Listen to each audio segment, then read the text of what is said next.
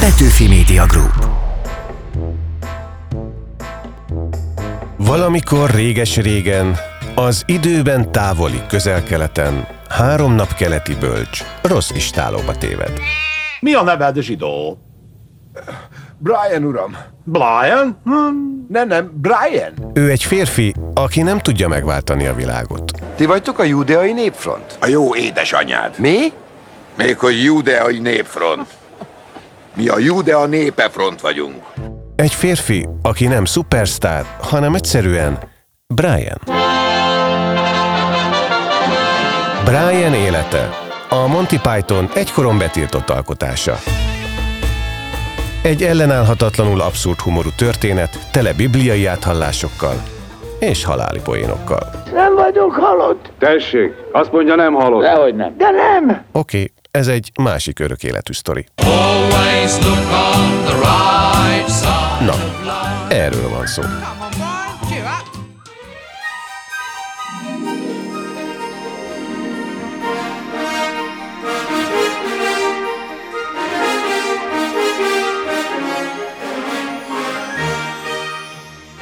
Vannak megkerülhetetlen művészeti alkotások, amelyek meghatározzák gondolkodásunkat, akár a magas művészet, akár a popkultúra felől érkeznek. Ahelyett, hogy poros klasszikusként tekintenénk rájuk, vendégeinkkel igyekszünk friss szemmel megnézni, mitől élvezetesek, szerethetőek, mit adhatnak nekünk ma, vagy miért boldogulunk velük nehezen. Ez az egyetemes alapművekről felsőfokon. Seres Gerda vagyok. A Monty Python filmjek kétségkívül sokak számára legendás alkotás, nap mint nap idézünk belőle, a Judea népe fronttól a racsoló Pilátuson át a sajtkészítőkig számos poénja lett a mindennapi szlogenek része. Több országban betiltották a filmet, és csak 1979-es megjelenése után 10-15 évvel jutott el a szélesebb közönséghez. Zseniális időtálló alkotás vagy blaszfémia. Erről is szót ejtünk majd három vendégünkkel, akiket szeretettel köszöntök. Kovács András Péter humorista. Hányszor láttad a filmet? Rengetegszer, szerintem 15 fölött már nem számoltam. Élés Dávid református lelkész, melyik részletét szoktad a legtöbbször idézni? Én a sajtkészítőket feltétlenül, de mindegyik részlet olyan, amelyik egy-egy helyzetben megelevenedik. Györei Zsolt drámaíró, egy poénért eladják a lelküket, vagy megtalálják a határt az abszurditást illetően? Számomra abszolút megtalálják a határt az abszurditást illetően. Brian élete mitől egyetemes, miért mindannyiunké? Erről beszélgetünk a következő órában.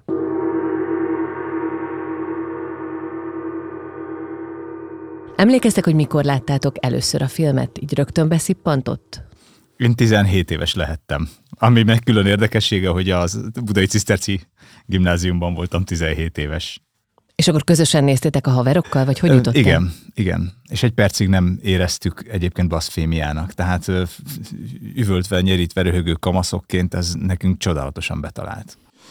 Nekem is nagy kaland volt. Volt egy, azt hiszem Blue Boxnak hívták a körúton egy olyan hely, ahol az ember betért, akkor egy ilyen kis boxba lehetett beülni, és beraktak egy videókazettát, amit ott együtt lehetett nézni, és, és akkor még csak ott volt elérhető, elmentünk, ez ilyen félig mozi, félig ilyen, ilyen szeparé műfaj volt, és ott néztük meg angolul. Én azóta is egyébként feliratosan szeretem nézni, vagy ugye ez, ez, ez ragadt rám. Tehát amikor azt kérdezik, hogy mennyire utálod a rómaiakat, és azt mondja, ellát! Az, az, az szerintem ilyen, ilyen akárhogy, akárhogy is, visszaadhatatlan. Én nem emlékszem, hogy mikor láttam először, inkább csak az érzés van bennem, hogy így összehúztam a szemöldökömet eh, teológus hallgatóként, vagy lelkészként, hogy akkor ez most mi akar lenni, és akkor most én ehhez hogyan is viszonyulok egy hirtelen ebben az egyházi keretben. De azóta többször láttam, és most újból megnéztem így a beszélgetés előtt, mert készültem rá, és új élményeket is adott, egy egészen más szemmel láttam most idősebb fejjel és tapasztalatokkal, mint ahogyan mondjuk 20 évesen tudtam ezt nézni egy akkori hitemmel, vagy egy akkori útonjárásommal.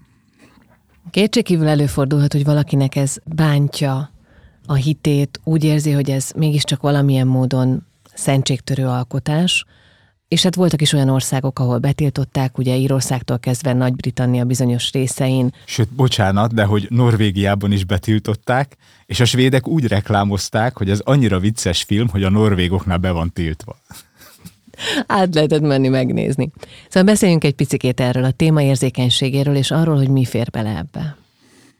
Hát szerintem érzékeny a téma feltétlenül, hiszen a szent és a profánnak a határán járunk, és ha ott járunk, akkor nagyon jól meg kell találni a, a hangsúlyt és a, az utat. Ugyanakkor én azt vallom, hogy a szent és a profán között még sincs nagy különbség, hiszen abból vannak a legnagyobb bajok, hogyha a szentet és a profánt úgy nagyon-nagyon szétválasztjuk, mert akkor egyfajta skizofrén állapotba kerül az ember, hogy akkor most ki vagyok, én most épp a szentben vagyok, vagy épp a profánban vagyok.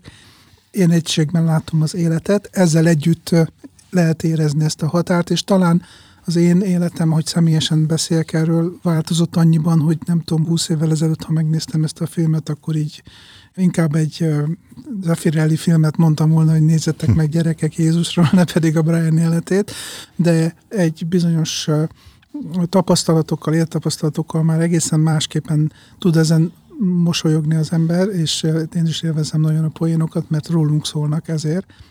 És megélem azt ebben a filmben, hogy Istent nagyon komolyan kell venni, de magunkat meg nem szabad komolyan venni. És akkor itt, itt tudom nagyon jól meghúzni ezt a határt többek között. Meg hát ők nagyon jól csinálták azt, hogy, hogy ő Brian. Tehát, hogy, hogy az elején van egy, van egy félreértés, amikor a három királyok meglátogatják, aztán rájönnek, hogy, hogy nem, nem ő az, és, és átmennek. Tehát, hogy ez igazából egy, egy kicsit nekem innentől okafogyott az, hogy, hogy, hogy direktben Jézus paródia. Tehát inkább annak az embernek a története, aki tényleg párhuzamosan él Jézussal, akit egy olyan közeg, amelyik folyamatosan hajhásza messiásokat, szintén kikiált messiásnak, akivel megtörténik, ami 140 magával történik meg, hogy megfeszítetik, de nem Jézus, hanem Brian. Tehát, hogy tulajdonképpen, bocsánat, a, a messzi párhuzamért, de volt ez a János Vitéz daljátékunk, amiben beleírták a bagót aki jellemzően az volt a legfőbb attribútuma, hogy ő nem János Vitéz, hanem a János Vitéznek a lúzer oldala. És gyakorlatilag nem volt ezen felháborodás, hogy most tulajdonképpen a János Vitéznek miért lenne, mint figurának paródiája a bagó. Tehát, hogy én ezt úgy kezdem ezt a, ezt a Bryant, hogy, hogy pont sikerült levenni róla azt a terhet, amit egy, egy direkt, esetleges Jézus Krisztus persziflázs rárakott volna, és temérdek érzelmi, indulati vitát generált volna, hanem ilyen nagyon elegánsan megkerülték, és, sikerült ezzel szerintem a, a környezetre, a, a különböző pszichés és társadalmi viszonyokra helyezniük a fókuszt így humor szakmailag a Monty Python ugyanazzal a kérdéssel szembesült, amit nekem is gyakran nekem szegeznek, hogy lehet-e a vallással viccelni, vagy lehet-e mondjuk Istennel viccelni. És a viccnek a lényege, hogy két dolgot egymás mellé raksz, amiből az egyik vesztesen fog kijönni. És Jézus annyira kikezdhetetlen, hogy ő nem tud kijönni vesztesen egy ilyen helyzetben. Tehát, hogy nem tudsz Jézus kárára viccelni. És ezzel a Monty Python is szembesült. Tehát, hogy egy ilyen véletlen elszólásból indult az egész ötlet náluk, amikor bemutatták a gyaloggalopot, utána mindenféle sajtótájékoztatón mindig megkérdezték tőlük, hogy és mi lesz a következő film és egyszer Eric Idle beköpte, hogy Jesus is Lust for Glory, vagy nem tudom valami címet be. Most mondtuk, ez lett a sablon válaszuk, és e, emiatt kezdtek el gondolkodni ezen a projekten, és először Jézus, tehát egy, egy Jézus filmet akartak csinálni, és ugyanerre jutottak ők is. Hogy nem lehet, tehát Jézus személye annyira kikezdhetetlen, hogy nem tudsz belőle egy igazán jó ütős vicces filmet csinálni. Bagóból tudsz Jézusnak a lúzer oldalából, illetve abból a lúzerből, aki Jézussal párhuzamosan él abban a korban. Egy első századi senkiből tudsz csinálni viccet és nem Jézusból. Mert tehát ilyenek jutottak eszükbe, és itt most a vallásra érzékenyek fogják be a fülüket, hogy Jézus, mint ács, így a, a, a feszületet így szakmailag elemzi, hogy az mennyire rosszul megkonstruált, meg nem tudom. De hogy ez, ez nem, tehát hogy ez, ez nem működik. Olvastam, hogy volt olyan változat, amiben a 13. apostol lett volna ez a bizonyos Brian, aki mindenről lemaradt. Igen, hogy, mindig öt percek. Igen, hogy az utolsó vacsorára se ér oda, és tulajdonképpen semminek nem a részese. Igen, de aki erről lemarad, hogy ez nem Jézus, az nyilván joggal van felháborodva. És volt egy vitaműsor annak idején a Monty Python tagjaival, amiben egy püspök és a katolikus műsorvezető vett részt élő közönség előtt, és ők úgy szapulták az alkotókat és a filmet is, hogy az első 15 percet nem látták és úgy azért tényleg, úgy azért tényleg zavarba ejtő, ha már arról a mozzanatról lemaradsz, hogy a napkeleti bölcsek rossz istálóba mentek be. Azon túl, hogy mondjuk nem Jézus történet, azért mégiscsak például megjelenik benne kétszer Jézus. Mi az, amiért ez mégis egyértelműen egy vallásos történet? Talán azért, tehát az áthallásokat talán az eredményezi, hogy, hogy tulajdonképpen magát Bryant is egy ilyen messiási szerepbe, és kimondottan, kifejezetten messiási szerepbe látja, kényszeríti bele a tömeg rajongása és áhítata. Illetve van szerintem az izgalmas dramaturgiai fordulat, hogy, hogy amikor egy félreértés folytán követni kezdik, akkor elérkezik addig a pontig. Először is, amikor követni kezdik, akkor egy olyan példabeszédből mond részleteket, amely abszolút krisztusi példabeszéd, de utána viszont, amikor követni kezdik, és ebből teljesen elege van, akkor viszont elérkezik odáig, hogy filozófiai, életvezetési tanácsokat oszt a népnek, amely tanácsok gyakorlatilag az az egyéniségre vonatkozó tanácsok, azok éppen nem egy, egyfajta kollektív megigazulást céloznak, hanem mindenkinek a, a saját útján való elindulást. És lehet, hogy tulajdonképpen az a fajta gondolat, ami, ami a hitet egy ilyen mindenki közös kincsévé és, és, és kollektív értékké teszi, ennek a megsérülését gyanították sokan ebben a gondolatban, hogy egy messiási szerepkörbe berakott figura, az gyakorlatilag ennyire individualista igazságot fejez ki a tömegnek, amelyik tökéletesen érthetetlenül és, és báván áll ezelőtt az igazság előtt. Ti mind egyéniségek vagytok. Ez, ez, Mi mind egyéniségek és, és ott van egy ember, aki azt mondja, hogy én nem, és, és akkor arra rámondják, ja igen, ő nem. Szóval fantasztikusak ezek a poénok, és hogyha vallásosságnál vagyunk, akkor nekem meg azért is vallásos ez a film, vagy, vagy a kereszténységhez közel visz, mert nagyon fókuszál egy, egy, egy nagyon fontos időszakára az emberi történelemnek, amikor Jézus megjelenik, és ott minden díszlet, minden jelmezés, minden történés és minden politikai szituáció pont azt mutatja be, amiben, amiben Jézus megjelenik, és ebben van az abszurditása, hogy ott éltek más emberek is, és ezek a, ennek, ezeknek a más embereknek, köztük Briannek nem áll jól ez a messiásság, ez csak Jézusnak áll jól ez a messiásság, aki nagyon ritkán jelenik meg a filmben, de hogy mégis ő ott van, és hogy egy tényleg nem is csak egy loser, hanem az, hogy hogy, hogy vagyok a helyemen, mikor vagyok a helyemen, és hogy elvisz ezer dolog, de hogy akkor nem találtam meg a helyemet, de én nem is lehetnék Jézus se, mert ő, ő valahol ott van, és valahol azért mégis ott van ennek az egésznek a hátterében. Nekem szakmailag, vagy lelkészileg,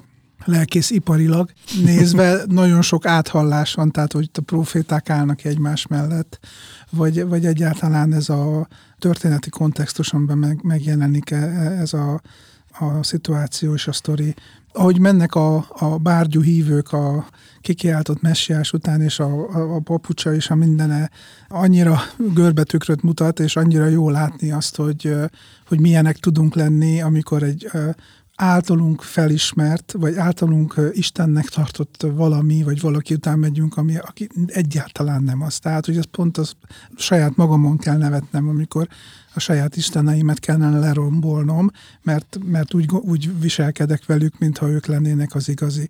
És ez a nevetés, és ez a szabadság ad nekem lehetőséget arról, hogy, hogy akkor az igazira rátaláljak.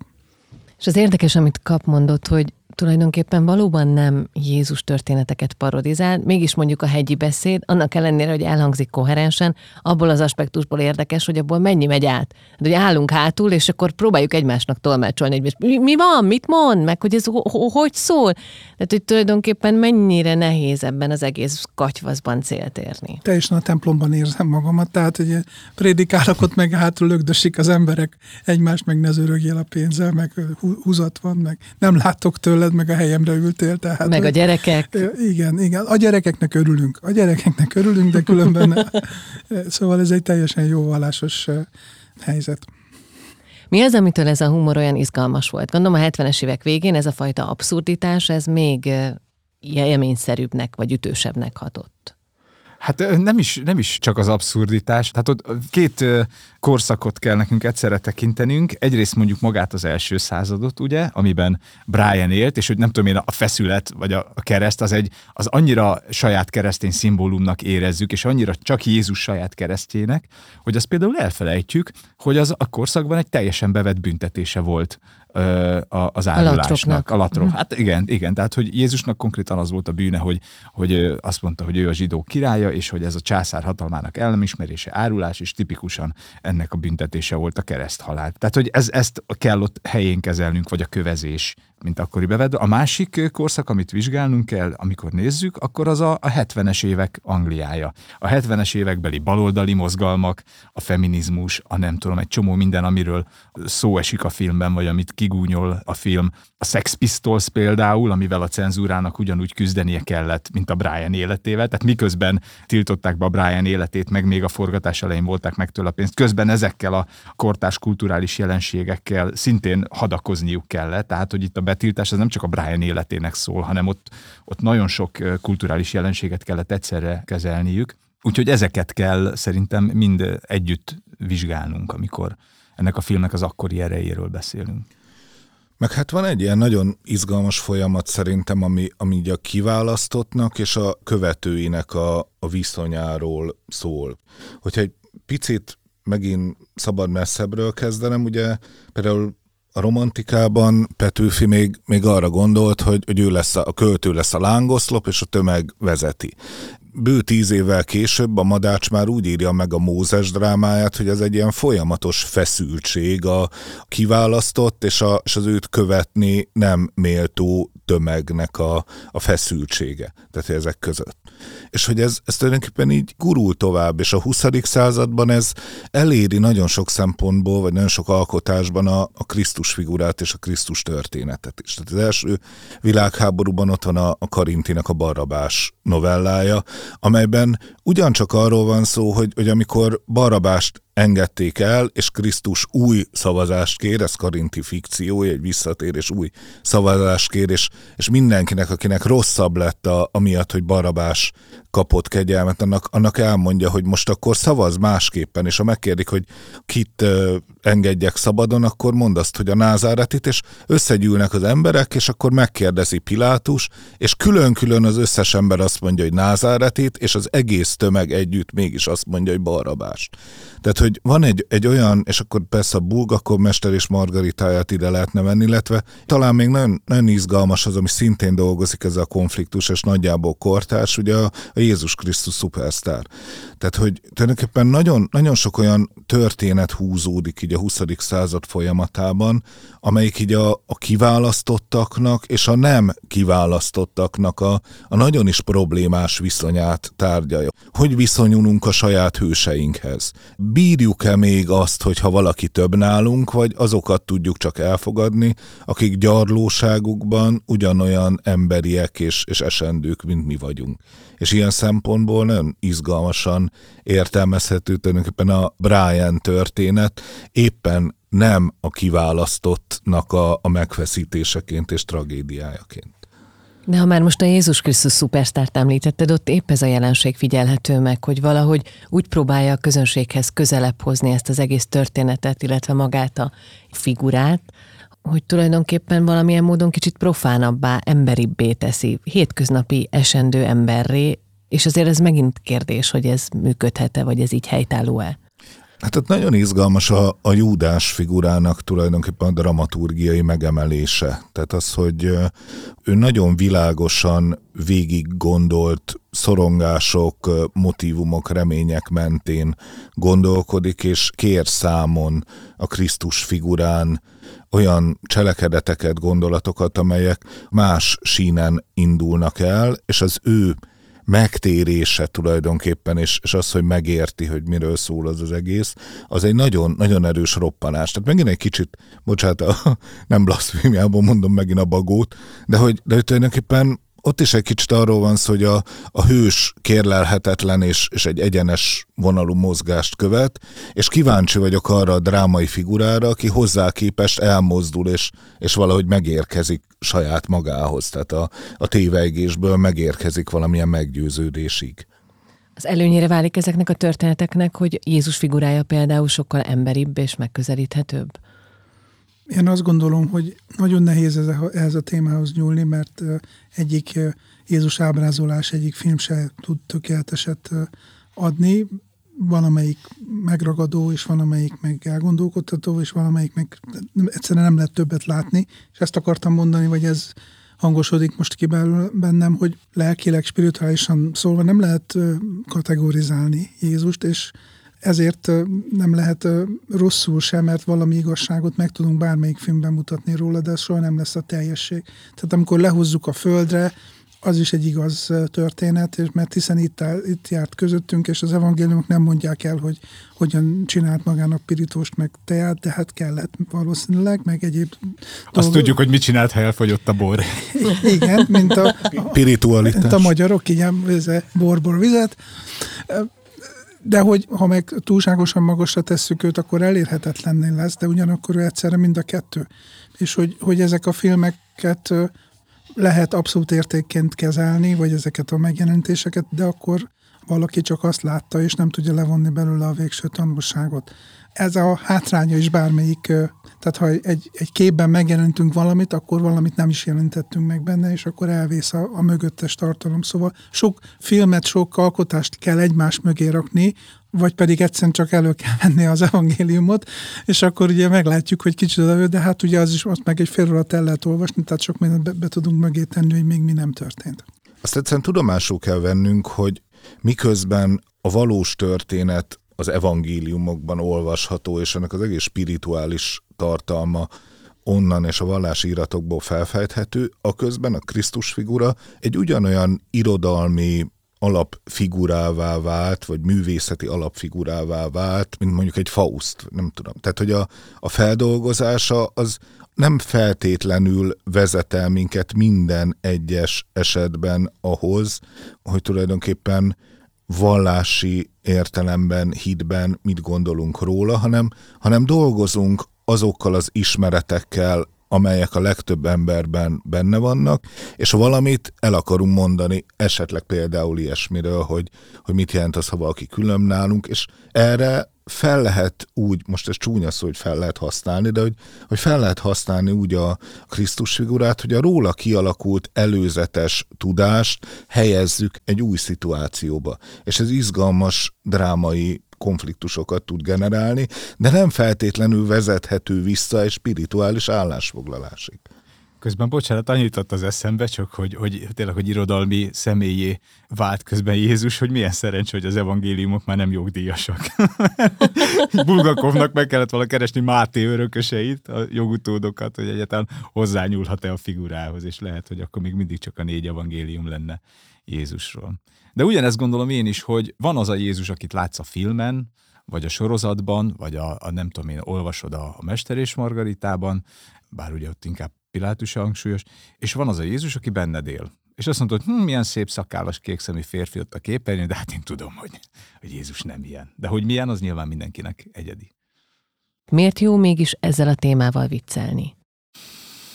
Hát nekem azért, mert ez nekem ugyanúgy téma, tehát hogy egy festő, tehát most mondd meg El Grékónak, hogy ne fessen Jézust, akkor mit fessen, amikor a, az élete részét, tehát nekem ugyanígy, ugyanígy téma, meg ugyanígy ihlet meg ugyanígy az életem és a gondolkodásom része, úgyhogy én nem úgy ülök le, hogy na most akkor írok minden áron valami vicceset a vallásról, hanem egyszerűen csak sokszor ez a hasonlat jut az eszembe.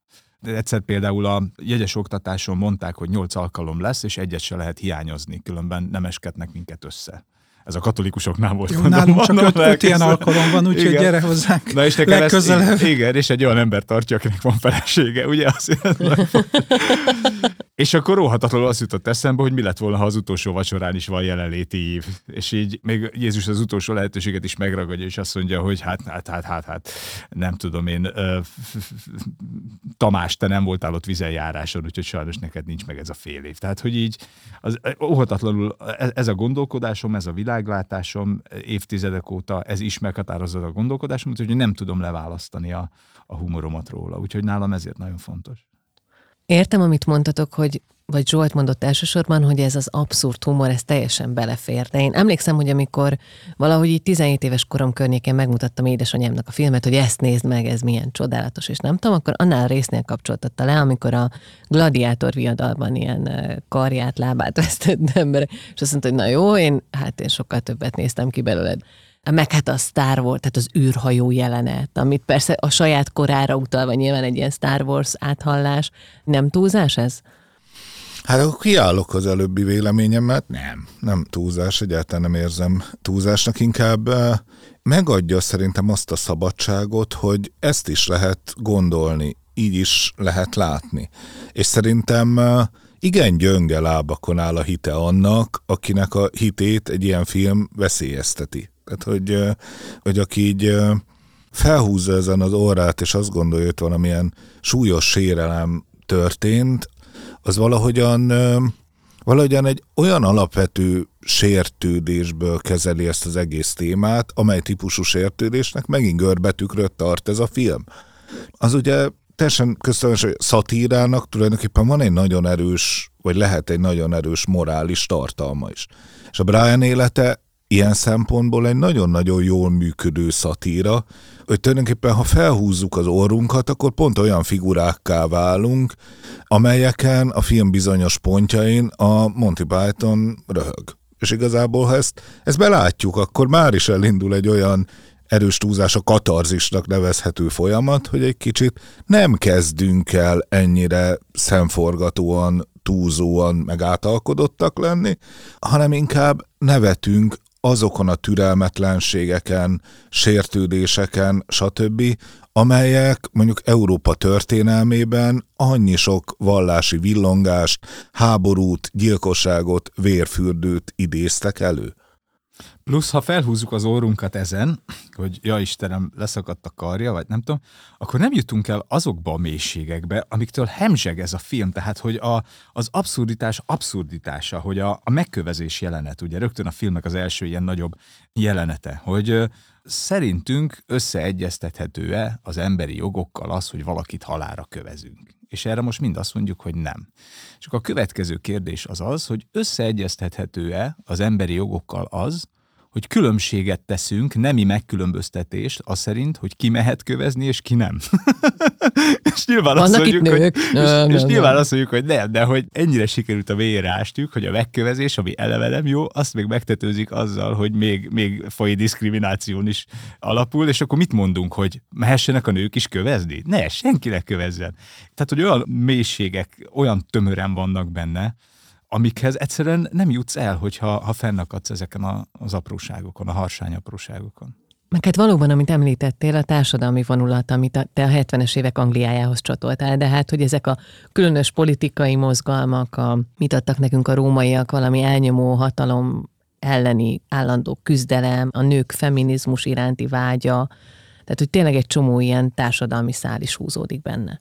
Ami aztán azóta kitisztult szépen, és tényleg látjuk, hogy mi a, az életképes, és mi az, ami már akkor is túlzásnak bizonyult.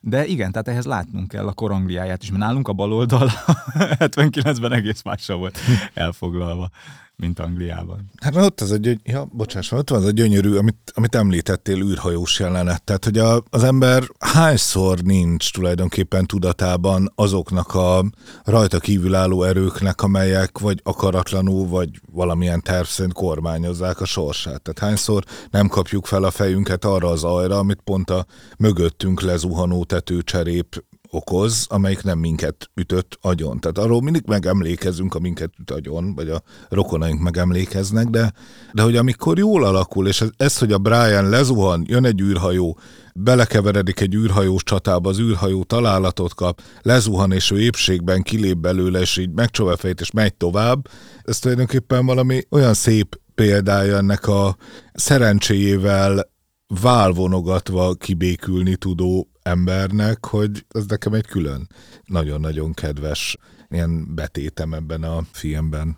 Igen, nagyon abszurd ez a rész, de ugyanakkor pontosan arra mutat rá, hogy a hétköznapi dolgok, a csodák, az, hogy ma reggel felébredtünk, hogy valami is történt velünk, az, az elmegyünk mellette, pedig, hogy valaki fenntartja ennek a világnak a rendjét, csak hát mi is megvonjuk a vállunkat, és megyünk tovább. De még annyit szerettem volna így a társadalmi dolgokhoz elmondani, vagy az volt bennem, hogy, hogy a kereszténységet sokszor, sok évszázadon keresztül úgy apostrofálták, hogy a társadalmi mozgások ellen van, és visszatartja, és megkülönböztetést tesz, meg nők és férfiak, szóval sok mindent tudunk erről, de hadd tegyünk mellé, hogy ebben a korban, amikor a, az első keresztény közösségek létrejöttek, akkor a kereszténység egy borzasztóan haladó társadalmi formáció volt. Tehát rögtön az, az evangéliumok után azt olvassuk, hogy férfiak és nők együtt imádkoztak. Ez, ez egy elképzelhetetlen jelenet volt, lenne egy ószövetséges, egy zsidó zsinagógában, még ma is a, az ortodox vonalban, tehát külön a férfiak, mint a nők. Aztán régen, után később visszahozta ezt az egyház is, hogy a fiúk itt ülnek, a lányok ott ülnek a padba, de ott akkor ez egy, egy nagyon progresszív igen. Kevés mozga... baloldalibb dolgot tudsz mondani, mint a Igen, igen. Vagy, vagy, vagy ha azt nézzük, hogy az első keresztény közösségeknek a, a szegények felé és a, az elesettek felé való nyitottsága, a, a beteggondozás borzasztóan előre ment, és hát ma tulajdonképpen most én itt lelkészként ülök, nekünk is azt kell mindig gondol, azon kell gondolkozni, hogy a mai társadalomban a mi hitünk ne abszurd legyen, mert lehet ez az egész film rólunk egy abszurd karikatúra, hogy itt maradtunk a 19. századból, vagy a 18-ból, és próbálunk a 21-ben lenni valamilyen módon, hanem hogy hogyan tudunk mi, akik Jézushoz kapcsolódunk, 21. századi módon élni vele, magunkkal és a környezetünkben lévő emberekkel. Tehát, hogy ezt is mozgatja bennem ez a film, hogy ne lúzerek legyünk mi keresztények, hanem olyanok, akik, akik a helyükön vannak, és, és, és nevessünk magunkon nyugodtan, mert hogy nagyon sokszor elrontunk sok mindent, de hogy mégis találjuk meg a helyünket, és ne ennek a világnak az abszurd, elfogadhatatlan, vagy nagyon kritikus emberei legyünk. Ugye szokták mondani, hogy a kereszténység az nem elmélet, hanem gyakorlat. Az ókeresztények ezzel tökéletesen tisztában voltak, ezt ma hajlamosak vagyunk kicsit elfelejteni, és megnyugodni abban, hogy a vasárnapi egyszeri egyórás istentiszteletről emelt lélekkel távozunk. És a Brian életében is van ez a csodálatos példa, amikor üléseznek, és hát elég a szavakból, és végre lépjünk a tettek mezére, és micsoda ide, időpocsékolás, és végre lépnünk kell, és csak ott húzzák az időt, és ezt csak beront Judit, és azt mondja, hogy elvitték Bryant, és keresztre fogják feszíteni, és erre ők azt mondják, hogy azonnali vitát kell róla kezdeményeznünk. Egy, hát nem értitek, ez most van, és most végre cselekedhetünk, és, és, és nem, nem értik, tovább agyalognak, Judit kirohan, mire ők azt mondják, hogy az angol eredetiben, hogy, hogy feminist ego trip. Magyar, magyarul valami, nem tudom, női dolog, vagy női baj, vagy valami ilyesmivel van elejtve az ügy, és gyakorlatilag Judit az egyetlen, a nő, aki ténylegesen gyakorlatra akarja váltani az elméletet. És hogy milyen érdekes az élet, és milyen abszurd, hogy a Brian életét utoljára 2009-ben tiltották be, egy Velszi városban, Méghozzá a polgármester asszony tiltotta be a filmet, és azért tiltotta be, mert ő az a színésznő, aki játszotta Juditot. És azt gondolta, hogy ezzel már nem dicsekedne. Igen, hogy ezzel már nem tud azonosulni. De érdekes, hogy beszéltük ezt a díszletet, hogy a, az eredeti díszletekben, és azt is olvastam, csupán érdekesség, hogy tulajdonképpen akkor ott forgattak egy Jézus filmet, és annak a díszleteit használták fel részletekben, tehát azok épp úgy felbukkannak ebben. Annyira, hogy, ered, hogy a Názáreti Jézus című 77-es filmnek a díszletét használták, és gondolkodtak azon, hogy Názáreti Brian legyen a, a film címe de aztán nem ez lett, mert ezzel is el akartak távolodni Jézustól, tehát még ennyi áthallást sem akartak. Ennek ellenére Olaszországban így mutatták be, hogy Brian Di Nazaret. De jóval később, tehát 90 igen, környékén igen, ott sem mehetett egy igen, darabig. Igen, igen. Arról mesélsz egy kicsit, hogy mi történt ebben a húsz évben, vagy mi változott meg? Ugye most csak annyit mondtál, hogy ma már egészen más szemmel nézed, és fel tudsz benne fedezni olyasmit, amit akkor nem annyira. Ez egy jó kérdés magam felé is meg hogy erről beszéljek, vagy hogyan tudok erről beszélni. Azt gondolom, hogy azért belső lelki fejlődésemnek is van egy hosszú útja, ami jön egy fiatalkori megtérésből, és egy hitét nem gyakorló család, bár lelkész ősökből származó család, de hitét akkor nem gyakorló családból származom, aki egy református egyházi iskolában, mint kivételként ott nem ellenálló, hanem megtérő ember lettem, és Krisztust elfogadó ember lettem, és akkor ugyan nem hoz engem a tradíció, meg nem is tartott meg, mert nem voltam tradicionális református addig, de mégis belecsöppentem ebbe a környezetbe, és egy annak az oldalára, ahol ilyen inkább kegyes, és nem a valóságot teljesen jól értékelő oldala volt ez a, a hit megélésének. Ma sokkal szabadabban, mélyebben, és ugyanakkor szabadabban. Tehát akkor úgy éreztem, hogy kicsi volt a mozgásterem a mélység felé is, és a szabadság felé is, tehát én képviselek valamit, ami egy nagyon szűk ösvény, és arról se balra, se jobbra nem lehet letérni, mert akkor mi fog történni. Most pedig úgy élem meg, hogy nagyon nagy mélységek vannak, és ezek a nagyon nagy mélységek engednek tágas teret arra, hogy én bármit meg tudok nézni. Tehát nincs olyan dolog, ami, ami engem kiborítana, mert hogy ez az élethez hozzátartozik. Persze nem rossz dolgokat nem akarok nézni, vagy olyanokat, amelyek embertelenek, vagy ilyenek, de hogy mindenről tudok valamit befogadni, és mindenről igyekszem a saját ismereteimet egyrészt bővíteni, másrészt pedig fókuszálni, hogy akkor én a hitemmel és az Isten kapcsolatommal ebben hogy vagyok benne, vagy megérteni a másik embert, aki azt éppen oda lerajzolta, megfestette, elénekelte, vagy úgy fejezte ki magát, vagy éppen ebben viccelt, vagy ilyen szöveget írt, hogy akkor ő hogyan érezte akkor magát, vagy ezt miért. És ez nekem egy óriási tükör a világról, vagy a tükör az emberekről, vagy egy fajta tájékozódás a világban, hogy most merre megy a világ.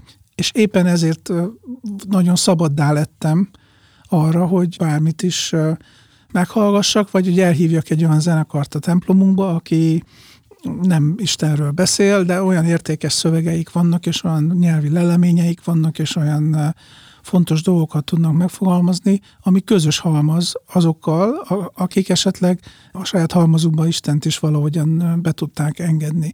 Ezt a szabadságot élvezem, és ebben a szabadságban tudom ezt a filmet is nézni.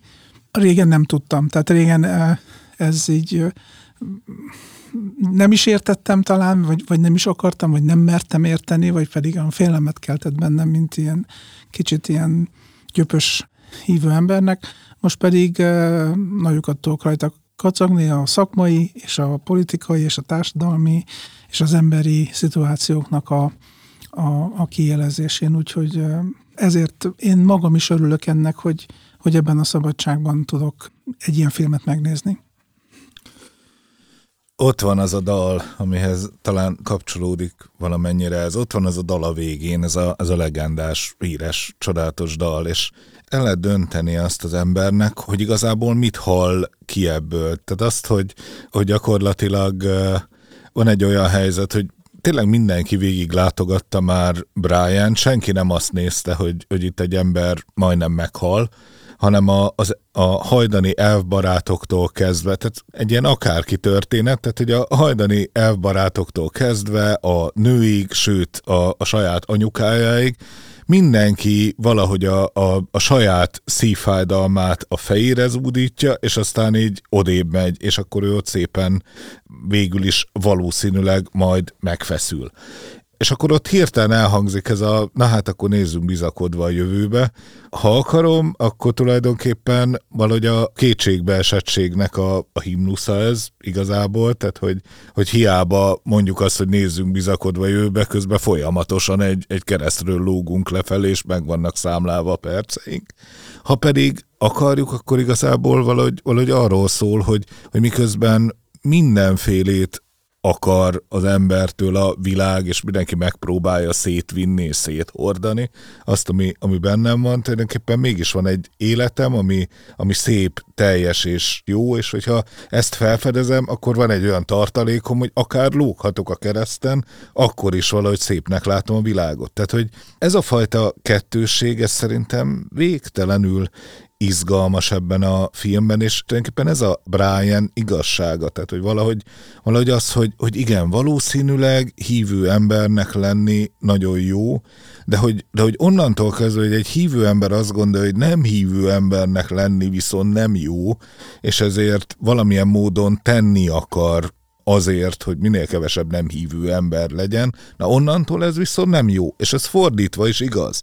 Tehát, hogy onnantól kezdve, hogy egy, egy nem hívő ember kizárólag úgy tudja szemlélni a, a hitet, mint valami, ö, tudom én, birka tulajdonságot, onnantól ez megint ugyanilyen nem jó, mert egyik, egyik irányból se jó az, hogyha az ember jobban kapaszkodik abba, ami történetesen az ő világképe. És valahogy, ha, ha valaminek nagyon élesen görbetükröt tart, vagy nagyon erősen görbetükröt tart, ez a film, az pontosan ez a fajta fanatizmus, ez a fajta szűklátókörűség, és ilyen szempontból, hogy ezen a területen nagyon-nagyon jól működik szerintem.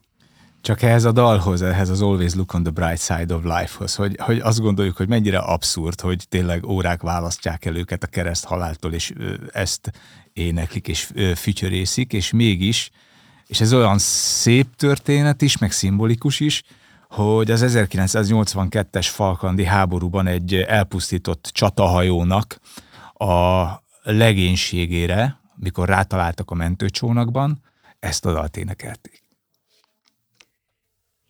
Akkor célba ért. Igen, hogy milyen erőt ad ez eh, ott a, ott a kereszten eh, Brian éneke. Megrendítő. Azt hiszem, hogy mi is célba értünk. Azt remélem, aki hallotta ezt a beszélgetést, ezekkel a gondolatokkal fogja újra nézni a filmet. Kovács András Péter, Illés Dávid, Győrei Zsolt, köszönjük szépen, hogy itt voltatok velünk. Munkatársaimnak pedig köszönöm a műsor elkészítésében nyújtott segítséget. Kollégáim voltak Péceli Dóri, Csali Anna Mária, Vapler Klaudia, Rédl Ádám, Szemők Bálint és Horváth Gergely. A Magyar Kultúra Podcastok csatornán további epizódokat és más érdekes hallgatni valókat is találtok. Találkozzunk ugyanitt a következő hangos történeteinkben.